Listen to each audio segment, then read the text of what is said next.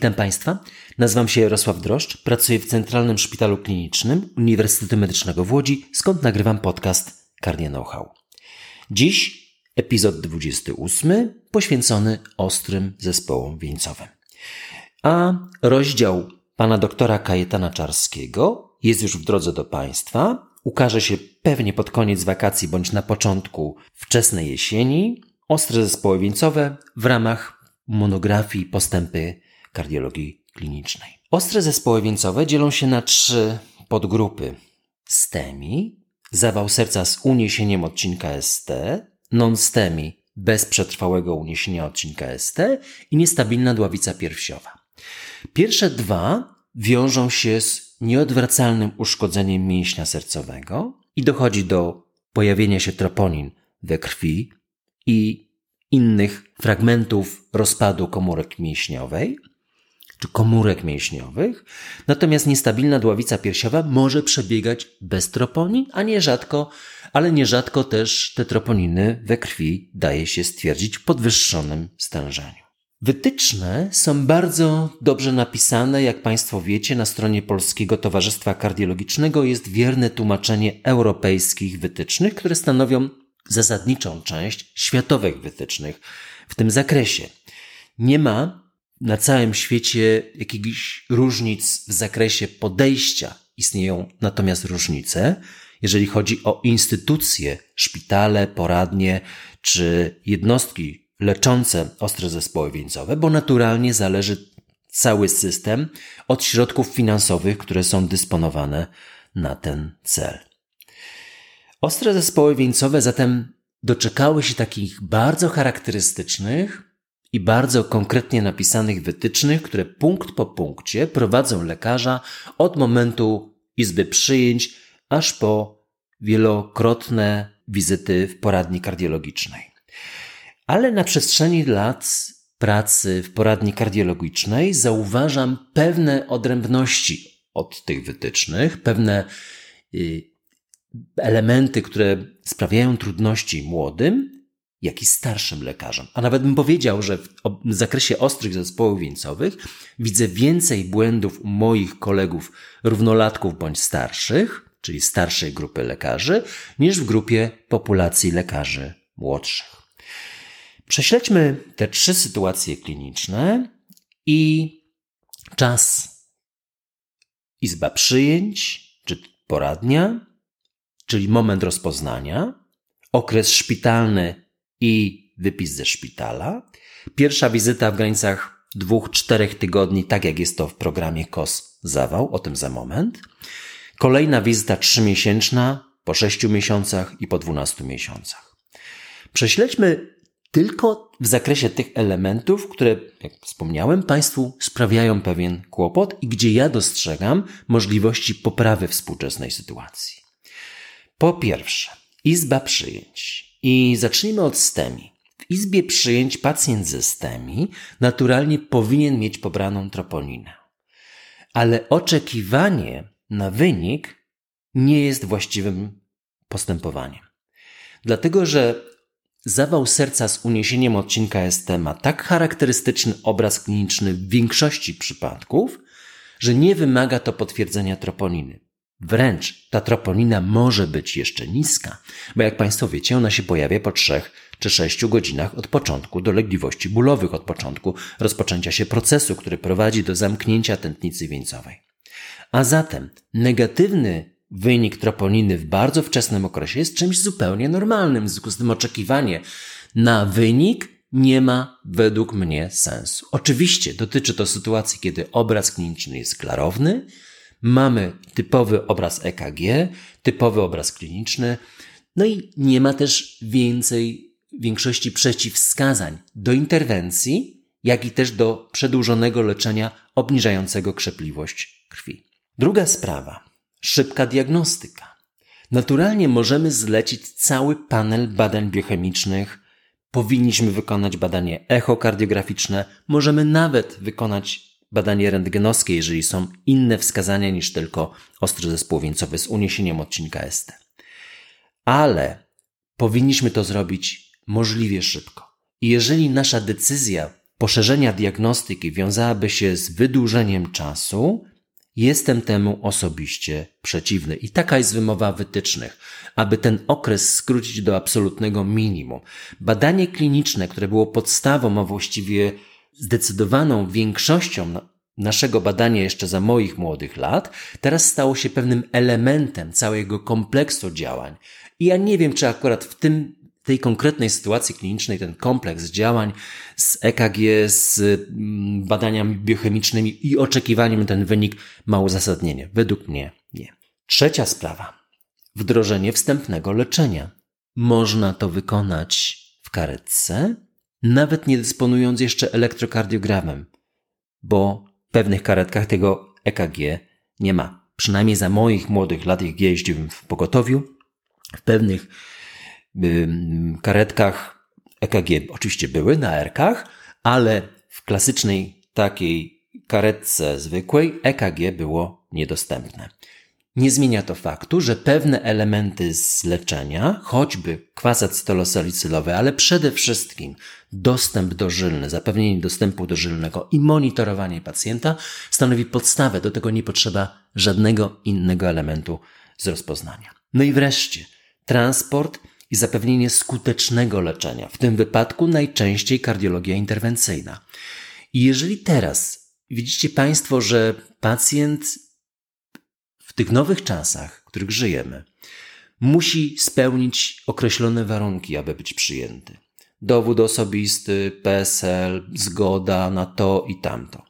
To opóźnia nam moment wprowadzenia leczenia. Ja ze swoich młodych lat pamiętam, jak te elementy w przypadkach ostrego zespołu wieńcowego skracaliśmy do absolutnego minimum. I nierzadko pacjent z izby przyjęć w ciągu kilku minut lądował na stole pracowni hemodynamiki i dwa zespoły pracowały nad pacjentem, dwa zespoły pielęgniarskie. Jeden przygotowując angioplastykę wieńcową, czy koronarografię, angioplastykę wieńcową, leczenie interwencyjne, a drugi zespół zbierał jeszcze resztę danych. W dzisiejszych czasach takie szybkie postępowanie jest trudne, ale nie jest niemożliwe. I zachęcam Państwa do skrócenia do absolutnego minimum tych elementów, które uznacie, że nie, jest, nie są ważne, bo to jest taki stan zagrożenia życia jak nagłe zatrzymanie krążenia. I tak mniej więcej powinniśmy ukierunkować się na pacjenta, żeby to błyskawicznie zrobić i ten czas od wejścia do izby przyjęć do otwarcia naczynia odpowiedzialnego za zawał powinien być maksymalnie krótki, liczony w kilkudziesięciu minutach. Trudno to zapewnić w dzisiejszych czasach licznych zgód, RODO i wielu innych elementów odległości między izbą przyjęcia, pracownią hemodynamiki, odrębnością zespołów itd. Tak Ale starajmy się wszyscy, aby ten czas był najlepszy, bo czas to mięsień, to Państwo znacie. Drugi okres, w którym spodziewam się, że można byłoby działać nieco lepiej, to jest okres tuż przed opuszczeniem szpitala, po skutecznym leczeniu i otrzymanie wypisu ze szpitala. Otóż lekarz powinien choćby w kilku zdaniach powiedzieć, dlaczego ten akurat pacjent ma zawał serca. Gdy Państwo wiążecie znajomość czynników ryzyka z zawałem serca, to wcale nie oznacza, że dokładnie takie samo spojrzenie będzie miał na to pacjent. Ja się spotykam często z taką informacją, tak, pacjent wspomina, że jest zagrożony, ma obciążenie dziedziczne, rodzinne. Jak zadaję pytanie, jakie, uzyskuje informację, tak, tata w wieku lat 45 zmarł na zawał serca. Czy palił papierosy? Tak, palił dwie paczki dziennie. Ja mam wątpliwości, czy to jest obciążenie rodzinne. To jest tylko informacja, która mówi o tym, że czynnik ryzyka, jakim jest palenie tytoniu, w tym akurat konkretnym przypadku działa bardzo silnie. W związku z tym nie zakładajmy, że pacjent zna czynniki ryzyka, rozumie zależności między nimi i wie, że konsekwencją po kilku, kilkunastu latach jest zawał serca, tylko wyjaśnijmy to prostym słowem. Nie mówiąc o dwudziestu kilku czynnikach ryzyka, tylko o tych dokładnie, które pacjent ma i które może zlikwidować, może usunąć, może uniknąć kolejnego zawału serca. Druga sprawa, wyjaśnijmy, że to jest leczenie, które Państwo wpisujecie na karty informacyjne, które będzie trwało bezterminowo. Pewne grupy leków muszą tam pozostać. 3-4 leki to jest taka absolutna minimalna ilość, liczba tabletek, które pacjent będzie musiał przejmować. Nieco więcej w pierwszym roku, nieco mniej później, ale nie ma takiej możliwości, żeby w jakimkolwiek okresie swojego życia nie przyjmował żadnej tabletki. Ten prosty przekaz może ułatwić działanie lekarzom w poradni kardiologicznej. No i wreszcie taka informacja, że można się ruszać, można chodzić, można spacerować. Wręcz odwrotnie, trzeba. Rehabilitacja jest pewnym i niezwykle istotnym fragmentem leczenia. Wręcz ono determinuje dalsze rokowanie, obniża liczbę czynników ryzyka, jak i też zwiększa szanse pacjenta na powrót do normalnego życia. I to normalne życie z normalną aktywnością albo wręcz większą aktywnością, osiągniętą oczywiście w pewnym etapie w przyszłości, jest niezwykle korzystną perspektywą pod warunkiem wielu czynników, m.in. farmakoterapii, jak i aktywności fizycznej, rehabilitacji i tego pierwszego, bardzo skomplikowanego okresu leczenia, to jest okres czasu pierwszego roku. I wreszcie czy mogę wrócić do pracy? Pacjenci nierzadko nie zadają tego pytania jeszcze w szpitalu, ale już o tym myślą. I kiedy analizuję te pytania, które padają później, pacjentowi wydaje się, że tak jak kilkadziesiąt lat temu, zawał serca kończy jego relację zawodową. Tak nie jest. Zdecydowana większość pacjentów może wrócić nawet do umiarkowanej aktywności fizycznej naturalnie w godzinach dziennych, bo taką sentencję zazwyczaj w poradni pacjentom piszę. I trzy wizyty.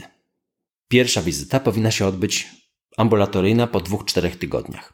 Ja to zwykle między jeden a dwa tygodnie umawiam pacjentów po ostrym zespole wieńcowym w ramach programu ministerialnego KOS Zawał. Koordynowana opieka specjalistyczna. Dlaczego to jest tak istotne? Otóż pacjent nie zdąży się zapytać o pewne elementy. Część lekarzy szpitalnych nie wyjaśni tych elementów, o których wspomnieliśmy wcześniej, a pacjent nadal może mieć niewłaściwe podejście do swojej choroby, nadal nie rozumieć jej przyczyny, efektów, następstw i przyszłości. I to jest ten moment, kiedy pacjent po tym tygodniu, dwóch w domu zadaje sobie podstawowe pytanie, co dalej będzie. Ma na to czas, ma na to ten moment rozmawiania z rodziną, ze znajomymi, którzy nierzadko kierują go w złą stronę, a my powinniśmy powiedzieć, że pacjent może wrócić, a właściwie powinien wrócić do normalnego życia. Drugim elementem jest znowu wyjaśnienie czynników ryzyka, aktywności pracy. Trzecim elementem jest stwierdzenie, czy wykluczenie powikłań y, zatorowych. Trzecim elementem jest zwrócenie uwagi na ewentualne sińce, podbiegnięcia krwawe w różnych miejscach, które się pojawiają po podwójnej terapii przeciwpłytkowej, szczególnie jeżeli jej w okresie szpitalnym towarzyszyła leczenie przeciwkrzepliwe. No i wreszcie optymalizacja farmakoterapii. Nierzadko w okresie szpitalnym Dawka inhibitora konwertazy, najczęściej bądź sartanu, jest bardzo, bardzo mała z uwagi na ciśnienie tętnicze. Jeżeli ono tylko wzrasta do wartości powyżej 110, zwiększam tą dawkę. I to jest ten moment na to. I ostatnia rzecz, skierowanie na rehabilitację, jeżeli ten pacjent tej rehabilitacji jeszcze umówionej nie ma. Wyjaśnienie, że w dzisiejszych czasach, moim zdaniem, ta rehabilitacja powinna być prowadzona w warunkach ambulatoryjnych. Pacjent dwa, trzy razy w tygodniu przyjeżdża do danego ośrodka, ćwiczy, trenuje pod okiem specjalistów, kolejno wyjaśniając swoje wątpliwości, jak i wdrażając się do normalnego życia, tak, aby jak najszybciej do tego życia trafić. To samo odbywa się po trzech miesiącach, gdzie sprawdzamy, czy pacjent wrócił do normalnej aktywności. Po trzech miesiącach już pacjent powinien mieć normalną fizyczną aktywność, jak sprzed zawału, mieć zakończoną rehabilitację kardiologiczną, mieć już wyjaśnioną kwestię ewentualnej skłonności do krwawień i mieć prawidłowe ciśnienie tętnicze, czyli niskie, oraz niskie stężenie cholesterolu. I to jest te podstawowych parę, kilka fundamentalnych elementów, które muszą się na tej wizycie znaleźć. Stężenie LDL cholesterolu nierzadko poniżej 55, czasem jeszcze niżej i dawka statyn, którą oczywiście pacjenci będą chcieli zmniejszyć bądź tą statynę odstawić, a my powinniśmy pacjentowi wyjaśnić, że to jest bardzo groźne dla niego osobiście. I to leczenie przeciwcholesterolowe stanowi jeden z najważniejszych fundamentów wieloletniego leczenia i będzie prowadzone do końca życia. Po 6 miesiącach to samo, natomiast po 12 miesiącach mówimy jeszcze raz o czynnikach ryzyka, optymalizujemy farmakoterapię, zmniejszając leki przeciwpłytkowe, i to się dzieje najczęściej. I tutaj o dwóch elementach chciałbym wspomnieć. Po pierwsze, jeżeli pacjent ma skłonność do krwawień, pamiętajcie Państwo, jeżeli ta skłonność wyraża się rzeczywiście krwawieniami, nie drobnymi podbiegnięciami krwawymi czy drobnymi po urazach krwawieniami, które trwają kilka minut, ale rzeczywiście są długotrwałe krwawienia, pamiętajmy, że możemy odstawić drugi lek przeciwpłytkowy już po miesiącu od angioplastyki wieńcowej, po trzech miesiącach bądź po sześciu. Bo o tym bardzo dokładnie piszą wytyczne, kiedy w jakich sytuacjach możemy stosować leki przeciwpłytkowe. I druga kategoria zagadnień, co dalej? Bo oczywiście w pewnych przypadkach, jeżeli mamy postać wielonaczyniowej choroby wieńcowej, mamy trzy opcje inne niż pozostawienie pacjenta na kwasie acetylosalicylowym, tym standardowe postępowanie. Mówiliśmy o tym, że lepiej byłoby utrzymać klopidogrel, ale zostawmy na razie ten element na boku. Mówiliśmy w odcinku 18. Teraz poza tym jednym lekiem przeciwpłytkowym możemy utrzymać podwójną terapię przeciwpłytkową przez wiele lat, jeżeli ryzyko powikłań naczyniowych jest duże, a ryzyko krwawień niskie. Druga opcja to pozostawienie kwasu acetylosalicylowego i tikagryloru, ale w dawce zmniejszonej 2 razy 60 mg.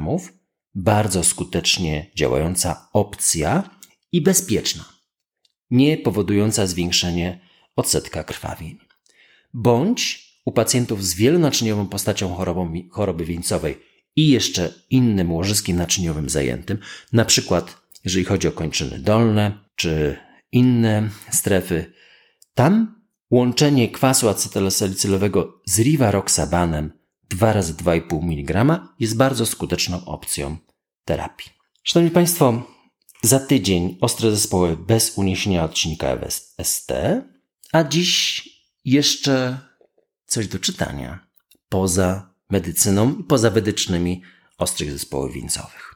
Umberto Eco, fantastyczny pisarz. Państwo znacie imię Róży. Być może nawet oglądaliście film, czy filmy, bo tych filmów i edycji były, z tego co ja wiem, dwa. Ale dziś powiemy o Wyspie Dnia Poprzedniego. Fantastyczna książka, która jest przykładem uzmysłowienia sobie, jak XVI-wieczny umysł podróżnika działa wobec historii, która jest trudna. 180 równoleżnik z drugiej strony i statek, który stoi po naszej stronie jeszcze, patrząc na relację linii zmiany daty, i wyspa, którą widać na horyzoncie, która według wszystkich opisów jest poza tą strefą. Czy tam jest dzień poprzedni? Co się stanie, jeżeli popłyniemy dalej statkiem? Będziemy tam wczoraj, a jak wrócimy, to co się stanie? A może pod wodą? Warto tam się dostać i zobaczyć, jak jest naprawdę, a statek pozostawić poza tą linią zmiany daty? Fantastyczne gimnastyki dla naszego mózgu. Moja, moje wydanie ma 456 stron i stanowi naprawdę fantastyczną lekturę dla podróżników. Jeżeli Państwo będziecie mieli jakieś uwagi, komentarze, pytania, kierujcie. Będę od września na nie odpowiadał. Bardzo dziękuję również za promocję, za rekomendacje dla naszego podcastu, uwagi krytyczne i sugestie. Serdecznie pozdrawiam.